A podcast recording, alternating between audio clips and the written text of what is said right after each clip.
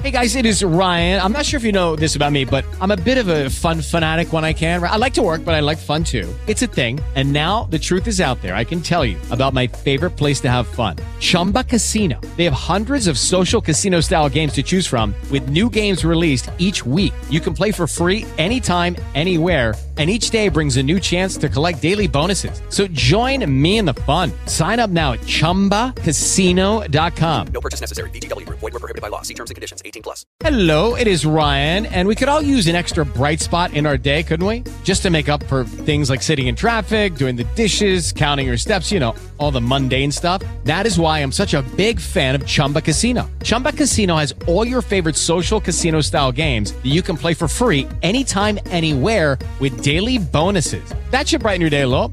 Actually, a lot. So sign up now at ChumbaCasino.com. That's ChumbaCasino.com. No purchase necessary. VGW. Void were prohibited by law. See terms and conditions. 18 plus.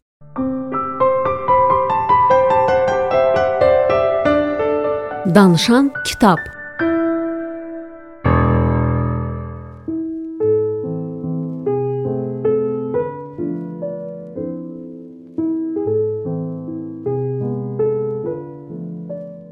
Danışan kitab layihəsi Fərəh Pəhləvinin xatirələri ilə davam edir. Referendumdan bir neçə gün əvvəl şah xalqa ünvanlanan nitqlə çıxış elədi. Nitqinin hər kəlməsini diqqətlə seçmiş, mənə ucadan oxumuş və bəzi düzəlişlər aparmışdı. Xalqın rifahına xidmət elədiyinə şübhə yox idi. Nitqində istifadə elədiyi bəzi sözlərdən həyəcanını duyurdum. Sonralar onun nitqini dinləyəndə xalqın bu çevrilişi necə qarşılayacağını fikirləşib narahat olmaqdan özümü saxlaya bilmədim. Şahın dedikləri bunlar idi. Əgər bu islahatları xalqın azad səs verməsinə təqdim edirəmsə, artıq heç kəsin əvvəllər kəndlimizə çökdürülən əsarət rejimini bir daha canlandırmaması üçün, artıq kimsənin ölkənin sərvətlərini öz xeyrinə istismar eləyə bilməməsi üçün, bəzi insanların şəxsi mənafelərinin çevrilişlər nəticəsində qazandıqlarımızı poza bilməməsi üçün ya da qazanacaqlarımıza zərər verməməsi üçündür. 1963-cü ilin yanvarın 27-sində keçirilən referendumda İranlılar Ağ inqilabın təməl prinsiplərinin hamısına bərabər səs verdilər. Qadınların hələ səs vermək hüququ yox idi, amma hüquqi islahata cavabdeh olan nazir Həsən Arsacani qadınların səsləri nəzərə alınmasa belə, onların hazırladıkları seçki məntəqələrinə gedib səslərini vermələri üçün təşviq elədi. Mətbuat bir neçə gün sonra qadınların səslərini çox böyük miqdarda islahatın tərəfdarı kimi verdiklərini yazdı. Qutudan çıxan rəsmi nəticə də xalq səsverməsi kimi qəbul edildi. İranlıların səsləri 3-cü inkişaf planının həyata keçirilməsi barədə nikbin olmağa əsas verirdi. Şahın nitqində sözlərinə əlavə elədiyi bir şey də var idi. Geriliyimizi 10 ildə yarıya endirməyi bacardıq, amma qalan ikinci yarısını bacarmaq ən çətini olacaq. İslahat apardığı 5 ildə İran ən nikbin təxminləri belə üstələyən 8.8 faizlik artım sürəti ilə tarixinin ən böyük həmləsini elədi. İnkişaf üçün təkan olan Karaj, Səfif Rut və Diz kimi böyük bəndlər tamamlandı. Təbriz traktor zavodu, Əraq mühərrik zavodu kimi sənaye layihələri işə salındı. Zavodların yanında oralarda çalışanlar üçün yataqxana, məktəb, yeməkxana, dispanser və s. kimi tikililər əlavə olundu. Yenə bu dövrdə ölkə inkişafını tamamlamaq üçün lazımi iqtisadi və sosial bazalar da yarandı. İran statistika mərkəzi yaradıldı. Bankçılıq sistemi modernləşdirildi. Bütün bunlardan başqa universitetlərin qurulması ilə paralel olaraq sənayeləşmədə də sürətli sıçrayışa nail olundu. Yollar və hidroelektrik şəbəkələri diqqəti çəkəcək qədər artdı. Bütün bunlar xalqın dəstəyi ilə minlərlə İranlının maddi gəlir gözləmədən zamana və yorğunluğa sinə gərib ruh və bədən kimi həqiqətən vahid qabaqcıl şəxsiyyətlə bu mübarizədə yerlərini tutmaları ilə yerinə yetirildi. Ruhani sinfinin bəzi mənsublarının lap ilk aylardan etibarən bir çox formada xalqı ayağa qaldırmaq üçün çağırışları müqabilində buna əməl olundu. Ən çox müqavimət göstərən din adamları hələ şahlıq rejimini devirmək üçün fəaliyyət göstərən kommunistlərdən kömək gördülər. Şah buna qırmızı və qaranın lənətə gəlmiş ittifaqı deyirdi. Referendumdan qısa müddət əvvəl o günə qədər adını belə eşitmədiyimiz Ruhullah Xomeyni adlı bir nəfər hökmdara yazdığı məktubda həddən artıq hörmətkar sözlərlə qadınların tanınmaz səs vermə hüququna etiraz elədiyini bildirdi. Din adamlarının az qala hamısının hisslərini dilə gətirdi. Qadınların ağlını inkar eləyən, onların ölkənin gələcəyi ilə bağlı düşüncələrini, ifadə haqqını qəbul eləməyən belə insanlara nə cavab verə bilərdik ki? Biz qadınların keçilərdən daha dəyərli olduğumuzu mu? Artıq orta çağda yaşamadığımızmı? Şah xurafatçıların və aydınlıq düşmənlərinin zəkanın bacardığı sıçrayışlara qarşı dura bilməyəcəklərindən danışırdı. Bəzi müqəddəs şəhərlərdə, xüsusilə də Qumda etiraz nümayişləri şiddətlə artıb davam eləyirdi. Din adamlarının yalnız qadınların səsvermə haqqını tanınması üçün yox, bundan başqa sahib olduqları böyük torpaqların gəlirindən məhrum olacaqları üçün də aqrar islahatına qarşı çıxdıqlarını söyləmişdim. Bu mübarizədə torpaq sahibləri də onların tərəfində idi. Ruhani sinifi birlik ordusunu uzun müddət təhdid ünsürü kimi görürdü. Çünki kəndlərə dağılışacaq lisey məzunları olan gənclər kəndliləri maarifləndirib onları mollaların təsiri təsirindən qurtaracaqdılar. Bizim mollaların işinə yarayan yeganə şey xurafat idi. Hər şey olduğu kimi qalmalı, heç bir şey dəyişməməli idi. Sonralar İranın ayrı-ayrı bölgələrinə elədiyim səfərlərdə kəndlilərin özlərinin birlik ordusu əskərlərin kəndlərinə gəlmələrini tələb elədiklərinin şahidi olmuşdum. 1963-cü il martın 21-də yeni il münasibəti ilə polis Qum şəhərindəki qarışıqlıqları yatırmaq üçün müdaxilə eləməyə məcbur oldu. Şah qan axmasından qorxurdu, amma qətiyyətli idi. Onunla eyni fikirdə olan Sədullah Aləm də qara müqavimət təhdidinin qarşısından qaçacaq adam deyildi. Aprelin 1-də Şah Məşhəd şəhərində İmam Rızanın türbəsini ziyarətə getmişdi. Mən qızımız Fərəhnaz yeni doğulduğu üçün ona yoldaşlıq eləyə bilməmişdim. Ərim xoş gəldin çıxırışlarına cavab olaraq Qurandakı buyruqları xatırlatdı. Müqəddəs kitabın qardaşlıq və dözümlülük prinsiplərinə zidd olaraq bəzi adamların öz ciblərinin xeyrini güdən mülahizələrini qınadıqdan sonra sözlərini belə davam etdirdi. Bu adamlar zamanla ayaqlaşmaq cəhdimizi və ölkənin inkişafını dayandırmaq istəyirlər. Amma İran xalqı bu müqaviməti göstərənləri yaxşı tanıyır. Lazım gəlsə biz də onların adlarını bir-bir açıqlayacağıq. Onlar öz-özlərini ortaya çıxdılar. Xüsusilə də ən qızğını olan Ruhullah Xomeyni məktubdakı hörmətkar ifadəsini itirib ağzı köpüklənə-köpüklənə ölkənin qərbləşdirilməsi adlandırdığı irəliləmə və dünyaya açılma cəhdlərinə qarşı çıxdı. İyun ayının başlanğıcında qarşılıqlar artdı və şahın 2 ay əvvəl getdiyi etdiyi Məşhəd şəhərində bir polis vuruldu. Xüsusilə də Tehranda və Şirazda asilər sənaye müəssisələrini yandırıb çoxlu mağazalar taladılar. Bunun müqabilində hökumət Xomeynini həbs etməyə qərarına gəldi. Xalq arasında gərginlik artmışdı. Yaxın ətrafımızda belə az qala əllə hiss edilən gərginlik hökm sürürdü. O il şah bizi şəhər mərkəzindən uzağa Şəmirandakı Sadabad sarayına göndərdi. Mən qucağımda 3 aylıq qızımız Fərəhnazı tutanda yanımızda döyüş paltarı geyinmiş mühafizəçilər var idi. Xomeynin həbs olunmasından sonra hadisələr böhran nöqtəsinə çatdı. Ölkənin böyük təhlükə ilə qarşı-qarşıya olduğunu sezən baş nazir Aləm Şahdan baş komandanlıq komandanlıq səlahiyyətlərini müvəqqəti olaraq ona verilməsini xahiş elədi. Ordudakı vəzifəliləri çağıraraq ayağa qalxan mühafizəkarların Tehranı ələ keçirə biləcəkləri barədə danışdı. Ordu baş nazirdən İranın xilası üçün böyük təhlükə yaranarsa atəş açmaq əmrini aldı. Sədullah Aləm hökmdarın mühafizəsinin yenidən təşkili üçün bütün məsuliyyəti öz üzərinə götürdüyünü, uğursuzluğa məruz qalarsa bütün nəticələrə cavab verəcəyini açıqca söylədi. Axırda sözünə əməl etdi, amma Tehranda 30 və ölkənin digər şəhərlərində üst-üstə 50 adam ölmüşdü. Ruhullah Xomeyninin edam cəzasına məhkum ediləcəyi barədə şayələr dolaşırdı. Baş nazir onun edam cəzası almasa da qətiyyətlə məhkum olunmasının tərəfdarı idi. Savaq naziri general Həsən Pəkvaran şəxsən gəlib şahdan Xomeyninin bağışlanmasını xahiş elədi. Hədsiz mədəni adam olan general Pakiravan zəkalı və insanpərvər adam idi xalqın sakitləşməsinin lazım gəldiyini, ruhani sinifinin yavaş-yavaş islahatlara alışacağını, indilik Xomeyninin sadəcə olaraq sürgünə göndərilməsinin kifayət edəcəyini söylədi. Şah razı oldu. Xatirələrində Xomeyni məhkum edilmək bir tərəfə mühakimə belə edilmədi. Ondan yalnız ölkəni atəşə verən bəlağətini gedib başqa yerdə göstərməsi tələb olundu deyə yazıb. Əvvəlcə Türkiyəyə sürgün olunan Xomeyni sonralar şahdan aldığı icazə ilə yerləşdiyi İraqda rejimi təməlindən yıxmaq üçün cəhdlərini davam etdirdi. İslam çevrilişindən sonra İrana qaydanda ilk edama sürüklədiklərindən biri həyatını qurtaran general Pakiravan oldu. Onun ölüm xəbərini alanda sürgündə Baham adalarında idik. Ölümü məni çox dərindən yaraladı. General və arvadı bizə çox yaxın idilər. Valideynlərimin də dostu idilər. 1963-cü ildəki müqavimət ixtişaşlarının yatırılması və Ağ inqilabın ilk nailiyyətləri bütün demokratik ölkələrdə rəğbətlə qarşılandı. Xüsusilə də The New York Times şahın fəhlələr və kəndlilərlə birləşib mühafizəkarlara və ənənəçilərə qarşı çıxdığını yazdı. Fərəhnaz 1963-cü il martın 12-sində hadisələr hələ başlamamış doğuldu. Onu sarayda dünyaya gətirdim. Yaşayış qatında bir hissə diş həkimimiz üçün müalicəxana vəziyyətinə gətirilmişdi. Bu otaq doğum evinə çevrildi. Qızımız olduğunu öyrənəndə qəlbimi böyük sevinc dalğasının büründüyünü xatırlayıram. Xəbəri eşidəndə Şahzadə Əşrəf və ögey qızı Şahzadə Şəhnaz həyəcanlanıb elə qışqırmışdılar ki, pilləkanda mənə Quran gətirən bir nəfərin bağrını yarmışdılar. Şah və oğlumuz Rıza Fərəhnazı birlikdə qolları üstünə aldılar.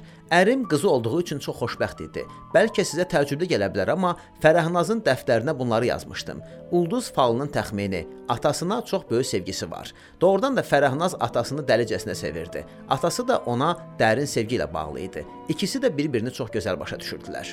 Ailəmiz genişlənirdi. Vəliəhd Rıza 3 yaşına girmişdi. Onun təhsil məsələsi elə hey beynimizi məşğul eləyirdi. Hər hansı uşaq kimi dövlət məktəbinə mi göndərməli idik, yoxsa xüsusi təhsilmi verməli idik? Birinci yolun mümkün olmadığını gördük. Rıza hər getdiyi yerdə mehribanlıq və heyranlıqla qarşılanırdı. Müəllimlərin bizim nəsihətlərimizə baxmayaraq onunla xüsusi davranacaqları şübhəsiz idi. Təmayül məktəbində oxuması doğru olmazdı.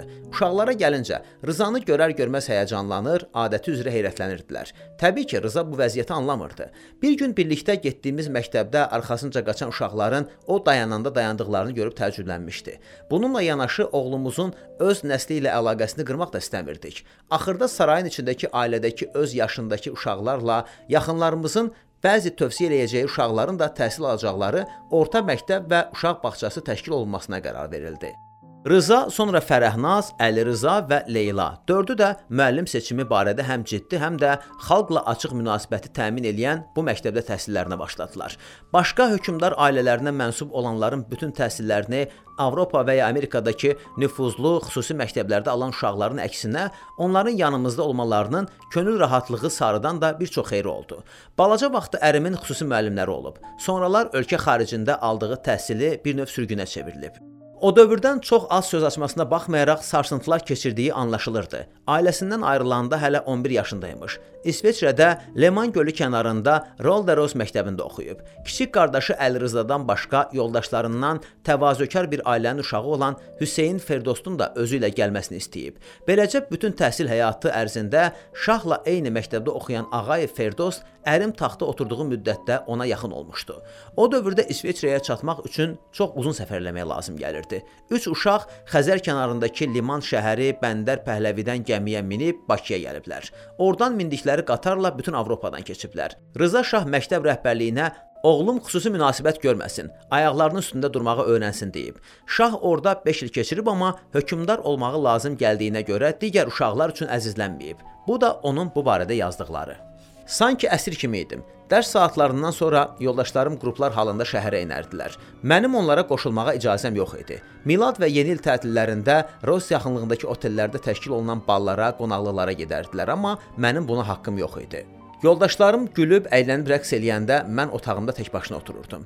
Bir radiom və qramofonum var idi. Onlar yoldaşlarımın qoşulduqları əyləncələrin yerini vermirdi. Bunun heç də ədalətli olmadığını düşünürəm.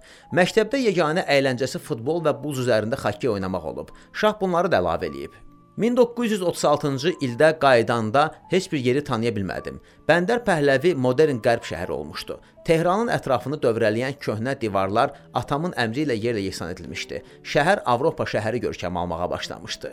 Şahın Avropada keçən yeniyetməlik dövründə ağ inqilabın təməlini qoyan düşüncələri formalaşmağa başlamış, keçirdiyi sarsıntıları bir tərəfə qoyub sonra belə demişdi: "O illər bütün həyatımın ən əhəmiyyətli dövrü idi. Orda demokratiyanın nə olduğunu öyrəndim." Bu düşüncəni həyata keçirməyin başqa yerdə olduğu kimi İranda da bir səbəbi var. 1964-cü il aprelin 10-da oğlum və ərim sui-qəsddən güclə qurtuldular. Fərəhnazın birinci yaş gününü, Rızanın da 3 yaşına girməsini yenicə bayram eləmişdik. Hər səhər Rıza atasının iş otağının yerləşdiyi mərmər saraya qədər onunla gedərdi. Ata oğul bu yolu əl-ələ tutub piyada gedirdilər. Sonra şahın dəftərxanasından bir xidmətçi Rızanı dərhal yaxındakı otağa aparırdı. 10 aprel səhəri istisna kimi Rıza atası ilə getmədi. Tərbiyəçisi sinfinə gələcək yeni uşağı qarşılamaq üçün məktəbə biraz da erkəndən getməsini istəmişdi. Bu səbəbdən şah yol qısa olmasına baxmayaraq maşınla təkcə getmişdi. Şah görünər-görünməz növbədə duran əskərlərdən biri maşınına atəş açmağa başlayıb. Xidmətçisinin və mühafizəçisinə cavabdeh olan adamların danışıqlarına görə şah heç bir şey olmamış kimi maşından düşüb və binanın holuna girib. Bütün bu müddət ərzində əskər ona atəş açmaqda davam eləyirmiş. Mərmər sarayın qapısının hər iki tərəfində növbə tutan əskərlər ilk silah səsini eşidər-eşitməz qaçıblar. Şah içəri girər-girməz xidmətçi qapıları bağlamağa çalışıb və əlindən yaralanıb. Sui-qəsdçi o anda qəti təlaş göstərmədən öz otağına girən ərimin dalınca içəri soxulub, amma bu vaxt saraydakı xüsusi mühafizəçilər nəsə baş verdiyini anlayıb atəşə qarşı atəş açmağa başlayıblar. Düşən şiddətli atışmada mühafizədən 2 adam, hər ikisi çavuş olan Ayət Laskəri və Məhəmməd Əli Babayan həlak olmuşlar. Sui-qəsdçi də öldürülüb, amma sonralar güllələrdən birinin şahın otağının qapısını deşib qoltuğunun altına dəydiyi məlum olub. O əsnada mən 10 dəqiqədən sonra başlamalı olan bir işgüzar yığıncaq üçün güzgünün qabağında makiyajımı eləyirdim. Telefon zəng vurdu. Mərmər sarayda yaşayan ana Şahbanu məni axtarırdı. Aman Allahım, Fərəhcan, səsini güclə tanıya bildim. Nə olub ana? Şaha atəş açdılar. Sonra danışmağını davam etdirə bilməyib hıçqıra-hıçqıra ağlamağa başladı. Mən az qala öləcəkdim. Ana Şahbanu ağlayır, oğlunun yaşayıb yaşamadığını söyləmirdi. Nəfəs ala bilmirdim. Ağzımdan güclə bir neçə kəlmə söz çıxdı. Bəs o, o necədir? Allaha min şükür, sağdır. Telefonun dəstəyini qoydum. Ərimin yanına qaçmazdan qabaq robot kimi makiyajımı davam elədim. Mən yanına gələndə şah həddən artıq sakit görünürdü. Mühafizə zabitlərinə təlimat verirdi. Bəs Şah Rızanın bap balaca əlindən tutub gedəndə bu qatillə qarşılaşsaydı, necə qorxunc fəlakətdən qurtulmuşduq.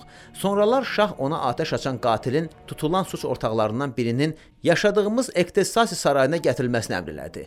Əlləri arxasında bağlanıb gətirilən adamı yuxarıdan örtülü eyvandan mən də gördüm. Ərim onunla yumşaq səslə danışırdı. Güman elədiyimizdən də gənc idi. Heç bir şey demir, xəcalət içində yalnız dinləyirdi. İnsanı həyəcanlandıran səhnə idi. Ona acıdım və bu çılğın hərəkətə səbəb olanlara lənət yağdırdım. Sonradan bu sui-qəsdə qarışan gənclərin də Tudəyə yaxın ifrat sol qrup tərəfindən öyrədilib beyinlərinin doldurulduğu ortaya çıxdı. Həmin hərəkatın üzvlərindən 10 il həbsə məhkum olan Pərviz Nikah sonra ərim tərəfindən bağışlandı. Şah onun həyatına qəsd edənləri bağışlayacağını, amma ölkənin ərazi bütövlüyünü və təhlükəsizliyini təhdid edənləri qəti bağışlamayacağını tez-tez təkrarlayırdı. Azadlığa çıxanda Pərviz Nikah hökumətlə münasibətləri yaratdı. Sonra İran televiziyasında işlədi. Bunun əvəzini də həyatı ilə ödədi. İslam inqilabının lap ilk həftələrində Tudə partiyasındakı köhnə yoldaşlarının təhriki ilə ölümə məhkum olunub edam edildiyini öyrəndim. Aradan uzun illər keçəndən sonra yoldaşlarından nikahın döyüşçü kommunist olduğu dövrdə keçirdiklərini öyrənən bir nəfərin ondan eşitdiklərini danışdı. Savaq bütün diqqətini kommunistlər üzərində cəmləmişdi. Mollalara heç fikir vermirdi. Mən fikrimi açıqlamaq üçün kəndlərə gedəndə adamlar dərhal məni təhlükəsizlik qüvvələrinə verirdilər. Ona görə də mollalar şah və rejim əleyhinə istədiklərini söyləyə bilərdilər. Kimsə onlara ilişməzdi. 15 il qabaq 1949-cu il fevralın 4-də şah bir sui-qəsddən qurtulmuşdu. O gün Tehran Universitetinin yaradılmasının il dönümü tədbirlərində iştirak eləmişdi. Sonra da bəzi tələbələrə diplomlarını verəcəkdi. Saat 15-i bir neçə dəqiqə keçəndə rəsmi kortejin önündəki yerini tutub. Belə vəziyyətlərdə həmişə olduğu kimi ətrafını fotoqraflar bürüyüb. Qəfildən aralarından bir nəfər fotoaparatın içində gizlətdiyi silahı çıxarıb və 3 metrdən də yaxın məsafədən şaha bir neçə dəfə atəş açıb. Ardını hökmdar belə danışır. 3 güllə papağımı havaya tullayıb başımı sıyırdı, keçdi. 4-cü güllə sağ yanağımdan girib burnumun altından çıxdı. Hücum eləyən gözümün qabağında idi. Bir dəfə də atəş açacağını başa düşəndə geri dönüb azca əyilməyə imkan tapdım. Beləcə ürəyimə dəyməli olan güllə çiynimə dəydi. Qəsçinin bir gülləsi də var idi, amma silahı atəş açmadı. Ərim həmin adamın daha sonra silahını onun üstünə atdığını söylədi. Sonra mülki polis və hərbi polis rəisləri eyni anda atəş açıb onu öldürdülər. Dəhşətdən donub qalan polislər qəsdçi atəş açanda şahı qoruya bilməyiblər. O adamın Tudə üzvü və adının Nəsir Füqərayı olduğunu öyrənib. Bundan başqa jurnalistlər arasına girib şaha yaxınlaşmaq üçün İslamın bayrağı adlı dini dərginin mətbəəsindən sui-qəsddən bir gün əvvəl mətbuat vəsiqəsi aldığı da aydınlaşdı. Şahı öldürməyə nail olmadıqlarından 2 il sonra 1951-ci ildə eyni terrorçular baş nazir general Hacı Əli Razmarını öldürə bildilər. General Razmara Azərbaycanın qurtuluş mübarizəsində baş qərargah rəisi kimi iştirak eləmiş hörmətli bir insan idi. Artıq kimsə şahı dindən uzaqlaşmaqda suçlaya bilməyəcəkdi. Əksinə, Allahın hifsi əli üstündə olduğundan onu öldürmək üçün hər yola gedənlər hər dəfə uğursuzluğa məruz qalırdılar. Şah uşaq vaxtı atasının tac qoymasından bir neçə ay sonra tutulduğu tifdən Ölkədən də ölə bilərdi.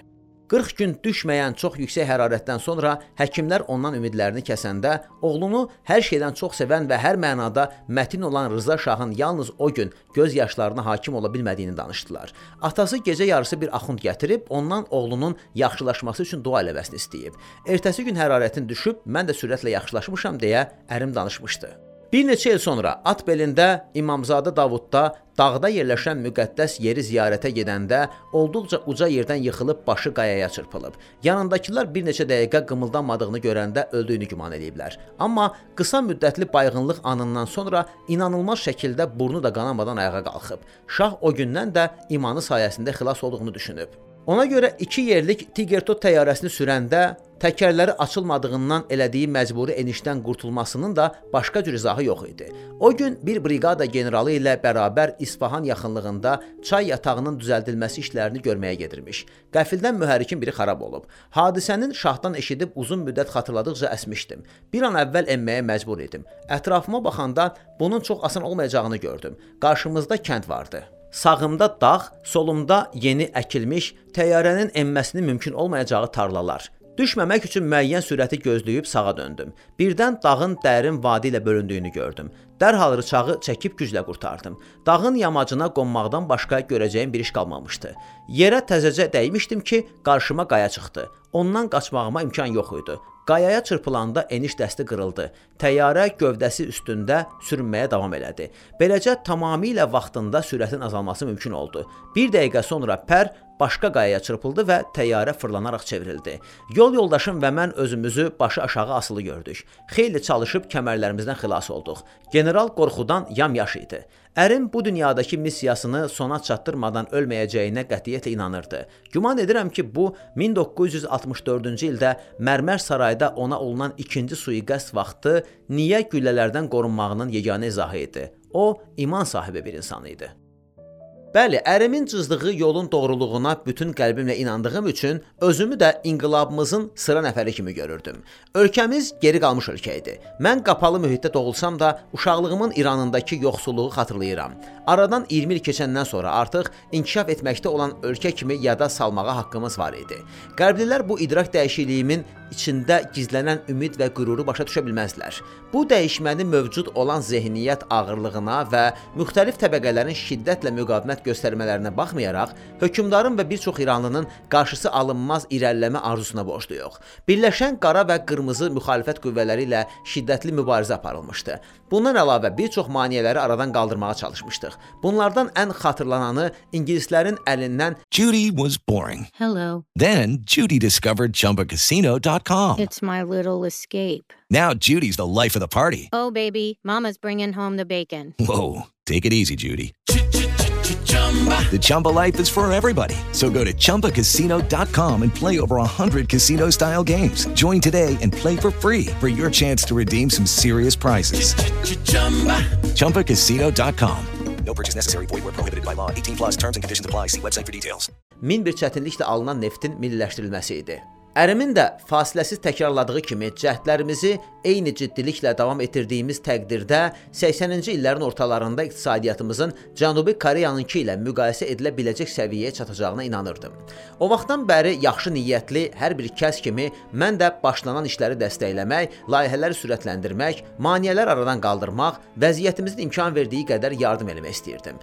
Ərim ilk gündən etibarən məni bu cəhətdən cəsarətləndirirdi. Mənə rəhbərlik elədi, kömək göstərdi. Onun yanında olmağımı, ölkənin rifahı üçün işləməyimi istəyirdi. Bunu necə eləyəcəkdim? Hadisələri özüm hiss eləyib bilməli, yerimi tapmalı idim. İnsanın öz şəxsiyyətinə görə və əlbəttə hökmdarın şəxsiyyətinə görə şahbanlıq vəzifəsini yerinə yetirməyin bir çox yolları var.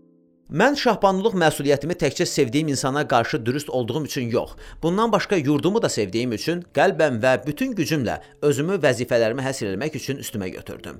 Elə bilirəm ailəm mənə kiçik yaşımda ölkə sevgisini və xidmət arzusunu aşıladı. Eyni düşüncələri atama da öz atası öyrətmişdi.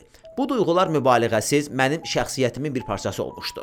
İndi ölkəmə xidmət növbəsi mənim idi. Bu işi görmək üçün şahın məni özünə arvad seçib verdiyi imkandan daha gözəlini xəyalıma gətirə bilməzdim. Əvvəlcə Rızanın, arxasınca Fərəhnazın doğulmaları məni iş otağımdan biraz uzaqlaşdırmışdı.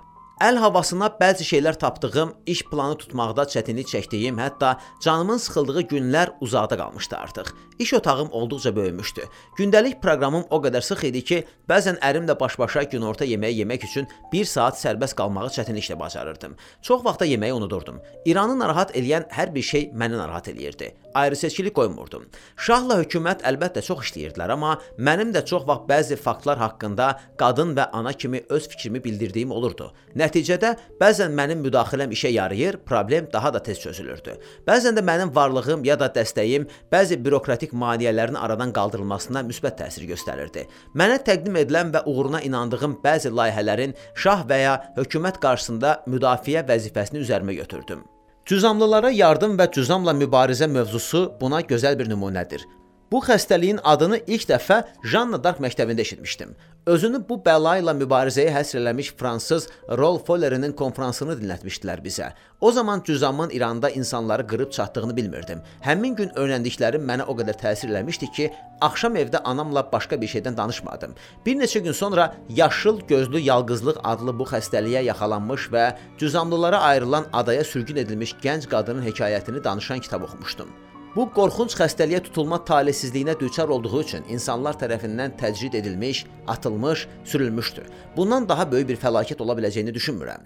Sabiq Səhiyyə naziri doktor Əbdülhüseyn Raci evlənməzdən qısa müddət sonra mənimlə görüşmək istəyəndə dərhal qəbul elədim. Xanım Ozra Ziyayi ilə bərabər gəldi. Hər ikisinə də heyran olmuşdum. Xeyli əvvəl təşkil olunmuş Düzamlılara Yardım Dərnəyinin sədrliyini üzərimə götürməyimi xahiş elədi. Heç tərəddüdsüz razı oldum. Beləcə, cənab Follerinin konfransından sonra keçirdiyim dəhşətin üstündən 10 il keçməmiş, tale mənə Düzamlılara yazığın gəlməkdən başqa onlar üçün hərəkətə keçmək qismətini bəxş elədi. Dərhal Təbrizdəki Cüzam mərkəzinə baş çəkmək istədim. Daha bir mərkəz də Məşhəd şəhərində idi. Təbrizdəkinə baş çəkəndə ilkin keçirdiyim şokdan daha güclü şok keçirdim. Tanınmaz hala düşmüş, deşik-deşik olmuş, sümükləri görünən üzlər və bu fəlakətin içində baxışlarındakı kədər. Xəstəliyi yüngül olanlar nisbətən alababat binalarda qalırdılar, amma digərləri dözülməsi çətin olan qoxunun yayıldığı kiçik, qaranlıq otaqlara atılmışdılar. Onlara şirniyyat gətirmişdik. Bizi müşayiət edən adamın qəfildən şirniyyatı görüb itlərə tullayırmış kimi xəstələrə atdığını gördüm. Həyatımda heç belə bir şey, alçalma və iyrənclik duyğusu yaşamamışdım. Qışqırmaqdan özümü saxlaya bilmədim. Qarşınızdakılar insandılar. Necə belə hərəkət edə bilərsiniz? Buna necə cəsarət eləyirsiniz? Zavallı adam mat qalmışdı. Xəstəliyə yoluxmaqdan elə qorxurdu ki, bu hadisədən dərhal sonra özünü həmin zavallı insanlara həsr edən bir neçə adamla İranlı və əcnəbi həkimlər, xüsusilə də Tehrandakı Pasteur İnstitutunun direktoru doktor Marcel Baltazar, bundan başqa xristian rahiblər və keşişlərlə görüşdüm. Sonralar elə xəstəxanalarda bizim müsəlman din adamlarından heç birinin işləmədiyini aşkar elədim.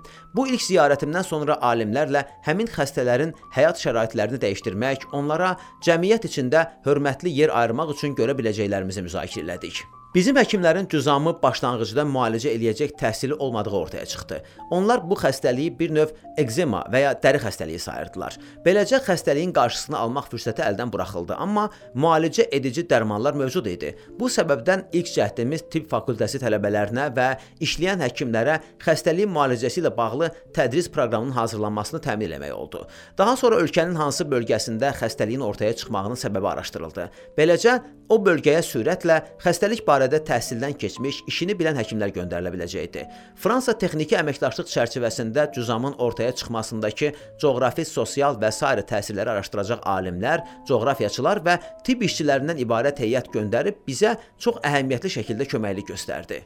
Bununla paralel olaraq cüzamlı xəstələrin yenidən cəmiyyətə qayıtması üçün nələr eləyə biləcəyini fikirləşdik. Bunu düşünmək lazım gəlirdi, çünki artıq sağalanlar belə cüzamın izlərini saxlayırdılar. Onlara yaxşılaşmış yaralılar deyirdik. İdeal çözüm bizə görə bu xəstələrin də əsas xəstəxanalara köçürülməsi idi. Mənə cüzamın güman elədiyindən daha az keçici olduğu başa salınmışdı. Bununla belə həkimlər özləri də qorxurdular. Qızğın tərzdə bizə qarşı çıxmağa başladılar və buna görə də həkimləri maarifləndirmə yığıncaqlarını artırmaq qərarına gəldik. Amma Amma 70-ci illərin axırında xəstəxanalardan bəzilərini cüzamlı xəstələrə aça bilmişdik. Buna baxmayaraq Ümumdünya Səhiyyə Təşkilatı tövsiyəsi ilə sağalmış insanları öz evlərinə qayıtmağa təşviq eləmə fikrindən daşındıq. Cenevrədəki alimlər bu xəstəliyin səhra hissəsində kiçik bir kənddə necə dəhşət yaratdığını bilə bilməzdilər. Ailənin bir üzvü xəstələndiyi zaman bütün ailə qaçırdı. Bu vəziyyət bizim yalnız sağalmış insanların və onların ailələrinin yaşayacağı kəndin tikintisinə başlamağımıza səbəb oldu. Şahdan öz şəxsi ərazilərindən bizə yer bağışlamasının mümkün olub-olmadığını soruşdum, qəbul elədi. Beləcə Qorğan rayonunda 1000 adamdan artıq əhali yerləşdirəcək kənd inşa edə biləcəyimiz ərazini aldıq. 70-ci illər ərzində 5 qədəhdə 300%, 15 çarpayılıq xəstəxana, ibtidai məktəb, kinoteatr, polis sahəsi, aşxana, fabrik, emalatxana, anbarlar, çoxlu quyu və üzüm bağçaları var idi. Bu kəndlə bağlı uğur elə böyüyürdü ki, əks tərəfdə birləşmə, qəbul eləmə arzusu meydana çıxdı. Ətraf qəsəbələrdən get-gedə daha çox sayda insan işləmək və ya yeməkxanasından ya da kinoteatrdan istifadə etmək üçün kəndə gəlməyə başladı. Tarix bizə başqa 5 qədəhlər yaratmaq fürsətini vermədi, amma 20 ildə cüzamlı xəstələrin və sağalanların taleyi ilə bağlı olaraq İranlıların fikirlərini yumşaltmağı bacaracağımızı güman edirəm. Bu baxımdan ən böyük qadın şairələrimizdən Fərrux Fərruxzadın Cüzamlılar haqqında çəkdiyi filmin yaddaşımda ayrıca yeri var. Qaranlıq ev adlı filmin kütlələrdə bu barədə mərhəmət hissini yaratmasına böyük təsir olmuşdu. Bütün o illər ərzində xəstələrin yaşadıkları yerləri müntəzəm olaraq ziyarət elədim və hər dəfə də eyni sarsıntıları keçirdim. Qadınlar məni qucaqlayır, sonra elə bil onları sağaltmaq gücünə sahib imişəm kimi əvvəlcə mənim üzümə, sonra özünkilərinkinə toxunurdular. Bu miqyasda böyük kədər və həsrət qarşısında duyğularımı gizlətməkdən bəzən çox çətinlik çəkirdim. Elə həmin illərdə bacarıqlı həkimlərdən dəstək aldıq. Pakistanlı, Hindistanlı, İsveçrəli, fransız həkimlər gəlib heç bir haqq tələb eləmədən keçmiş xəstələrimizin burunlarını düzəltmək, qaş və kirpik əlavə eləmək, xəstəlik nəticəsində yumulmuş əllərini açmaq üçün əməliyyat apardılar. Onlardan birinin üzü əməliyyatla düzəldilmiş, mənə yaxınlarda evlənəcəyi müjdəsini verən bir gənc adamın sevincini heç unutmaram. Elə xoşbəxt idi ki, əməliyyatı danışdığını eşidəndə qəlbimdən belə bir möcüzəni gerçəkləşdirmiş cərrahlara xeyir-dua eləyirdim. Bu yaxınlarda məni ən çox duyğulandıran hadisələrin başında taleləri üçün bu qədər narahatlıq keçirdiyim həmin keçmiş xəstələrdən biri ilə əlaqədar gələn xəbər yer tutdu. Xəstə Ümumdünya Səhiyyə Təşkilatında işləyən və onunla qarşılaşandan sonra mənə xəbəri çatdıran İranlı həkimin qulağına bu sözləri pıçıldayıb. Əgər hörmətli xanımı görsəniz ona salam deyin. Biz onu unutmamışıq. Bəli, sözlərin eyni ilə yaraya sürtülən məlhəm kimi ovuducu gücü var. O sözlər də məni gələcəkdə bir gün həqiqətən gür səslə söyləyəcəyinə ümid eləməyi üçün ürəkləndirirdi. Sevgi ilə əkilən toxumun heç vaxt itməyəcəyinə bütün mənliyimlə inanırdım. Uşaq kitabxanaları yaratmaq qərarım bu toxumlardan biri oldu. Amerikada kitabxanaçılıq təhsili alandan sonra ölkəyə qayıdan uşaqlıq yoldaşlarımdan biri Leyla Əmir Ərcüməndinin məni ziyarət eləməsi ilə bu macəra başladı. Yoldaşımla qeyri-rəsmi şəraitdə görüşdük. Söhbət zamanı balaca İranlı uşaqlara kitab paylamaq fikri mənbədən fışqıran su kimi öz-özünə ortaya çıxdı. Bizim uşaqlığımızda yaşımıza uyğun uşaq kitabı heç yox idi. Bizə qədim nağıllar danışılırdı. Şifahi danışıq ənənəsi var idi. Bu nağılın bir çoxu yazılı deyildi. O dövrdə qərb ölkələrində olan şəkilli, müasir hekayə kitablarına gəlincə, onları tapmaqdan söz gedə bilməzdi. Hər səhər radioda məktəb uşaqlarına ünvanlanan verilişlərdə "Sabahınız xeyir uşaqlar" deyə başlayan Ağa Yusufun bəzi bədii hekayələri nəşr edilmişdi. Uşaq ədəbiyyatı dünyamız bununla məhdudlaşırdı. Uşaq yazılarımız doğrudan da çox kasıb idi. Əgər uşaqların gündəlik həyatına kitabı daxil etməyə bacarsaydıq, onlara necə fövqəladə mədəni kəşf verə biləcəyimizi fikirləşdik. Kitab şübhəsiz başqalarının həyat hekayələrindən və talelərindən yararlanıb insana öz gələcəyini müəyyən etmək imkanını verən ən gözəl vasitədir. Elə hər yeni həyat da xəyallardan gerçəkləşməyə başlamırmı? Bəli, əgər uşaqlara kitab oxumaq vərdişi aşılaya bilsək, onların çağdaş fikirləri daha asan anlamalarına, məsuliyyət duyğusu və etik dəyərlər qazanmalarına kömək eləyə bilərdik. İşə girişməzdən əvvəl ilk görülməsi lazım gələn iş şagirdlərin kitaba göstərəcəkləri marağı ölçmək idi. Leni ilə məclisin qadın millət vəkillərindən Hüma Zahidinin iki könüllü ilə bərabər uşaqların münasibətini görmək üçün bir neçə qutu kitab götürüb Tehranın güneyindəki kasıb məhəllələrə getmələrinə qərar verdik. Gözlədiyimizdən də böyük maraq gördük. Uşaqlar bu şəkilli kitabları sanki şəkər paylanırmış kimi qapdılar. Oradan başlayıb uşaqların və gənclərin zehni inkişafına yardım təşkilatı quruldu. Biz də yardım toplamaq üçün bəzi qapıları döyməyə başladıq. Çoxlu miqdarda pula ehtiyacımız olacaqdı. Buna görə də layihəmizə Təhsil və Mədəniyyət Nazirlikləri kimi təkan verici qüvvə ola biləcək nazirlikləri qoşa bilməyimiz vacib idi. Hər iki nazirlik bizə kömək göstərməyi qəbul etdilər. İran Beynəlxalq Neft şirkəti də xahişimizə əsasən yardıma razı oldu. Artıq bizə təkcə layihəmizi böyük həyəcanla qarşılayan naşirlərin, siyasətçilərin, universitet əməkdaşlarının və maddi ya da mənəvi yönümdə dəstək ola biləcək ayrı-ayrı şəxslərin yardımlarını təmin etmək qalmışdı.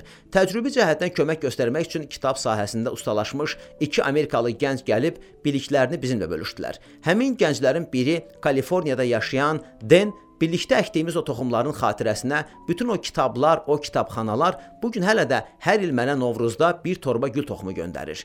İlk uşaq kitabxanası yaratmaq üçün təbii ki, ən çox sayda oxucu kütləsinə malik ola biləcəyimiz Tehranı seçdik.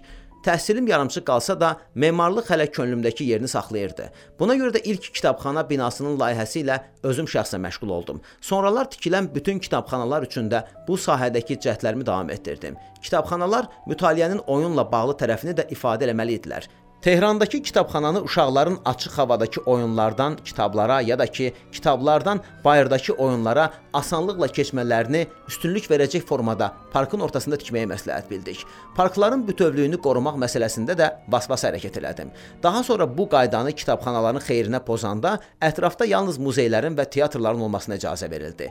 Tehran Uşaq Kitabxanası da digər bütün kitabxanalarda orta məktəbdən 16 yaşına qədər bütün uşaqlara təmənnasız olaraq açıq idi idi. Uşaqları kitab oxumağa cəlb eləmək üçün kitabxanalarda işləyəcək xüsusi bacarıqları olan adamlar tapmağımız lazım gəlirdi. Ən kiçik uşaqlar üçün uşaq baxıcılarına və nağıl danışacaq adamlara ehtiyacımız var idi. Belələrini tapıb yetişdirdik. Daha böyük uşaqlar üçün onlara kitab seçmək barədə məsləhət verə biləcək, bilavasitə özləri də kitabsevər və çox kitab oxumuş adamlar axtardıq. Artıq növbə işin özünə gəlmişdi. Kitablar. Uşaq kitabı olmadığına görə yazmağa ya da çevirməyə məcbur idik. Yazıçılarımızı gənc oxucu kütlələri üçün kitab yazmağa təşviq etmək çətin olmadı. Əvəzində illüstrasiyaçı tapmaqda çətinlik çəkdik.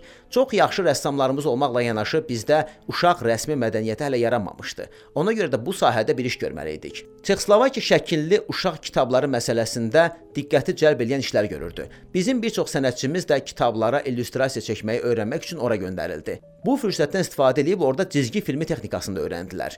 O sənətçilərimiz sayəsində sonralar Beynəlxalq Uşaq Filmləri Festivalı təşkil elədik və bir neçə mükafat da priz də qazandıq. Bu cəhddən simvolik olaraq mənim də şorbada duzum olsun fikri ilə Andersenin Balaca su pərisi adlı kitabını çevirib özüm illüstrasiya çəkdim. Rıza o vaxtlar 2-3 yaşlarında idi.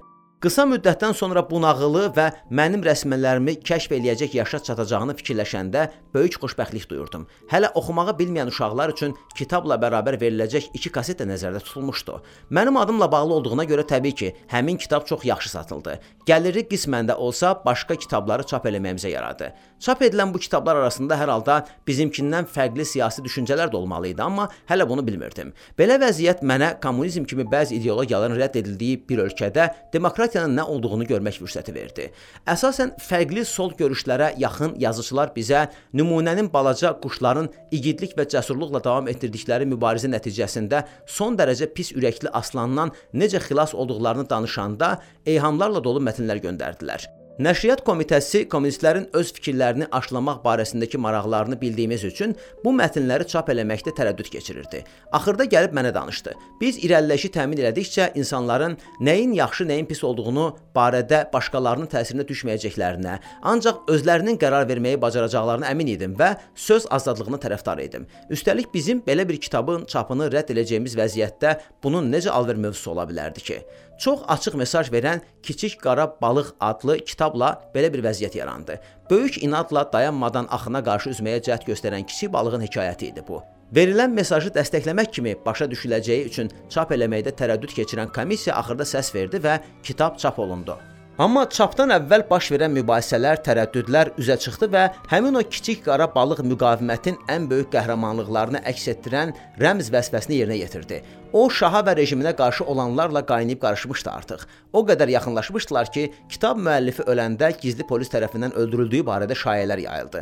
Əgər həmin balıq yarandığı gündən öz başına buraxılsaydı, onun mübaliğəsiz zorla qazandırılan bu uğuru əldə eləməsi mümkün olmayacaqdı. Gənclərə ünvanlanan belə kitabların hazırlanma mərhələsində əsasən mən də çalışırdım. Maketləri, rəsmləri saf-çürük eləyir, kasetləri dinləyirdim. Təşkilatımız ölkənin iri şəhərlərində bir çox kitabxana qurdu. Uşaqların göstərdiyi maraqla bağlı olaraq dərhal eyni yerlərdə musiqi kursları, müxtəlif peşələr və teatr məşğələləri aparan atelyelər yaratmağa qərarı aldıq. Həddən artıq gözəl nağıl danışan Ərdivan Müfid teatrın məsuliyyətini öz üzərinə götürdü. Sonralar təşkil edilən səyyar teatr turnelərində də o rəhbərlik edəcəkdi. Mütaliə zövqünü kəşf edən uşaqlar şifahi danışıq və bədii dil məşğələləri keçirdilər. Beləcə öz xəyallarındakını həyata keçirir və oyun məşğələlərinə fərqli detallar əlavə edirdilər. Uşaqlar müxtəlif obrazlara girir, qrimlənirdilər. Bütün bu məşğələlərə qarışmayan utancaq uşaqlara gəlincə, onların başqalarına tamaşa eləyə-eləyə içinə qapıldıqları aləmdən bir anlığa da olsun çıxmaları təmin olunurdu. Axırda açılan kino atelyelərində uşaqlar 8 mm-lik film çəkməyi öyrəndilər. Kinoya qarşı münasibətləri təşviq olundu. Uşaq filmləri festivalı bu məsələlərə yeni bir çalar qatacaqdı. Bizim ən böyük arzumuz səhra tərəfdə yaşayanlara, ən ucqar kəndlərə çatmaq idi. Buna nail olmaq üçün təşviqatçımız səyyar kitabxanalar yaratdı. Bölgələrin ərazi quruluşuna və yolların vəziyyətinə görə kitabları yük maşınlarına, ciplərə və ya yolu ancaq qatırla keçmək mümkün idisə, qatırların belinə yükləyib göndərirdik. Kitabxana məhsullarımız bir neçə gün sonra ya da bəzən əgər yol çox uzun idisə, ayda bir dəfə gedib kitabları yığır, yenilikləri verirdilər. Bir neçə gün sonra səyyar kitabxana əməkdaşları bilik ordusunun ən uzaq kəndlərə gedib çıxan müəllimləri ilə sıx əməkdaşlığa başladılar. Ümidimizi get-gedə daha çox artıran səhnələr baş verirdi. Ata-ananın oxumaq, yazmaq bilmədiyi ailə mühitində uşaqlar artıq kitab oxuya bilirdilər. Əvvəllər səyyar teatr qrupumuz olduğundan söz açmışdım. Festivallara görə İrana gələn bir çox qərbli bu cəhdlərimizi heyranlıqla izləyirdi. Maarif, mədəniyyət, səhiyyə, idman və Oxşar sahələrdə hökumətlərdən müstəqil olaraq çalışan qurumlarda yer tutmağın şahbanlıq əqidəmi ən yaxşı şəkildə həyata keçirə biləcəyimi başa düşməyimə imkan vermişdi. Başlanğıcda mənə saraya göndərilən yüzlərlə məktubdan çox təsirlənmiş, hamıya yardım göstərə biləcəyimə, ən ümidsiz, ən qarışıq problemləri rahatlıqla yoluna qoyacağıma səmimiyyətlə inanmışdım. Ara-sıra öz pulumdan istifadə edib yardım göstərdiyim də olurdu. Belə paylanan kiçik yardımların yararlı olmayacağını anlamaq üçün müəyyən müddət keçməsi lazım gəlirdi. Mən çox məhdud olan kiçik büdcəmi paylamağı sonsuza qədər davam edə bilməzdim. Dövlətin pulu da bitib tükənməz deyildi. İnsanın yalnız qəlbinin səsini dinləməsi, yardımlar göstərməsi gözəl idi, ancaq göstərilən yardımlar problemləri kökündən çözməkdə bəs eləmirdi. Əgər faydalı olmaq istəyirdimsə, bütün diqqətimi ancaq bəzi vacib məsələlərdə toplamalı və onları axıra çatdırmaq üçün cəhd göstərməli idim. Evləndikdən 5 il sonra 60-cı illərin ortalarında nəhayət öz yolumu tapdığıma əmin oldum. Elə o vaxtlarda şah və yeni baş nazir Əmir Abbas Süveyda məni şah qəyyumu təyin eləməyə qərar verdilər. Qəyyumluq vəzifəsi şah vəfat eləyən zaman Rıza 20 yaşına çatıb, bəlkiyənə qədər İranın taleyinin məsuliyyətinin mənim çiyinlərimdə olacağı demək idi. Bunun baş verə biləcəyini bir saniyə belə ağlıma gətirməzdim. Bir saniyə belə. Mən 28 yaşında idim. Ərim hələ 40-ın astanasında idi və 3-cü uşağımızı gözləyirəm. Son dərəcə xoşbəxt idik. Ölkənin gələcəyi ilə bağlı heç zaman olmadığımız qədər nikbin idik. Şahın qəti narahatlığı yox idi və sanki Tanrı bizi onun ölümünü istəyən fanatiklərdən daha yaxşı qoruyurdu. Belə bir ruhi vəziyyətdə mənə qəyyumluq vəzifəsi verilməsi qərarının məclis tərəfindən rəsmən təsdiq olunmasının tamamilə ölçülüb biçilmiş hörmət nümayişi kimi qəbul elədim. Mənim nəzərimdə bu qərar ərimin mənə təqdir elədiyinin və mənə olan inamının sübutundan başqa bir şey deyildi. Buna görə qürur və xoşbəxtlik duyurdum. Sonra bu hərəkətin malik olduğu simvolik mənanı başa düşdüm. Millətini qadınlara səs vermək haqqına çatdırmağa çağıran insan İranın idarəsini də əslində həmin qadınlardan birinin əlində tapşırmışdı. Bir müsəlman ölkəsində bu diqqət çəkən addım idi. Elə bəzi millət vəkillərinin də həyatımızda aparılan bu yeni çevrilişə qızğın müxalifət olduqlarını öyrənmişdim. Bir neçə il sonra şah daha da irəli gedib bir yeniliyə imza atmış, özünün tac qoyma mərasimində mənim də tac qoymağıma qərar vermişdi. Perslərin uzun tarixində heç bir qadına belə böyük etibar göstərilməmişdi. Şah qərarını xalqa bu sözlərlə açıqladı. Bu günün İranında qadın bir neçə 100 il, hətta 20-30 il əvvəlki qadından tamamilə fərqlidir. Hər yerdə mövcud olan qadının tac qoymağa haqqı var. Bundan başqa Şahbanu son illərdə xalqı üçün o qədər əhəmiyyətli rol oynadı. Mənim üçün elə böyük dəstək oldu. Vəzifəsini elə səmimi şövqlə və vurğunluqla yerinə yetirdi ki, bu etibarı haqqı artıqlaması ilə çatır. Bəli, o yorulmaq bilmədən qadın, kişi hamımız üçün çox işlər gördü və görməyə davam eləyəcək. Çünki hələ yerinə yetirməli olduğumuz çox şeylər var.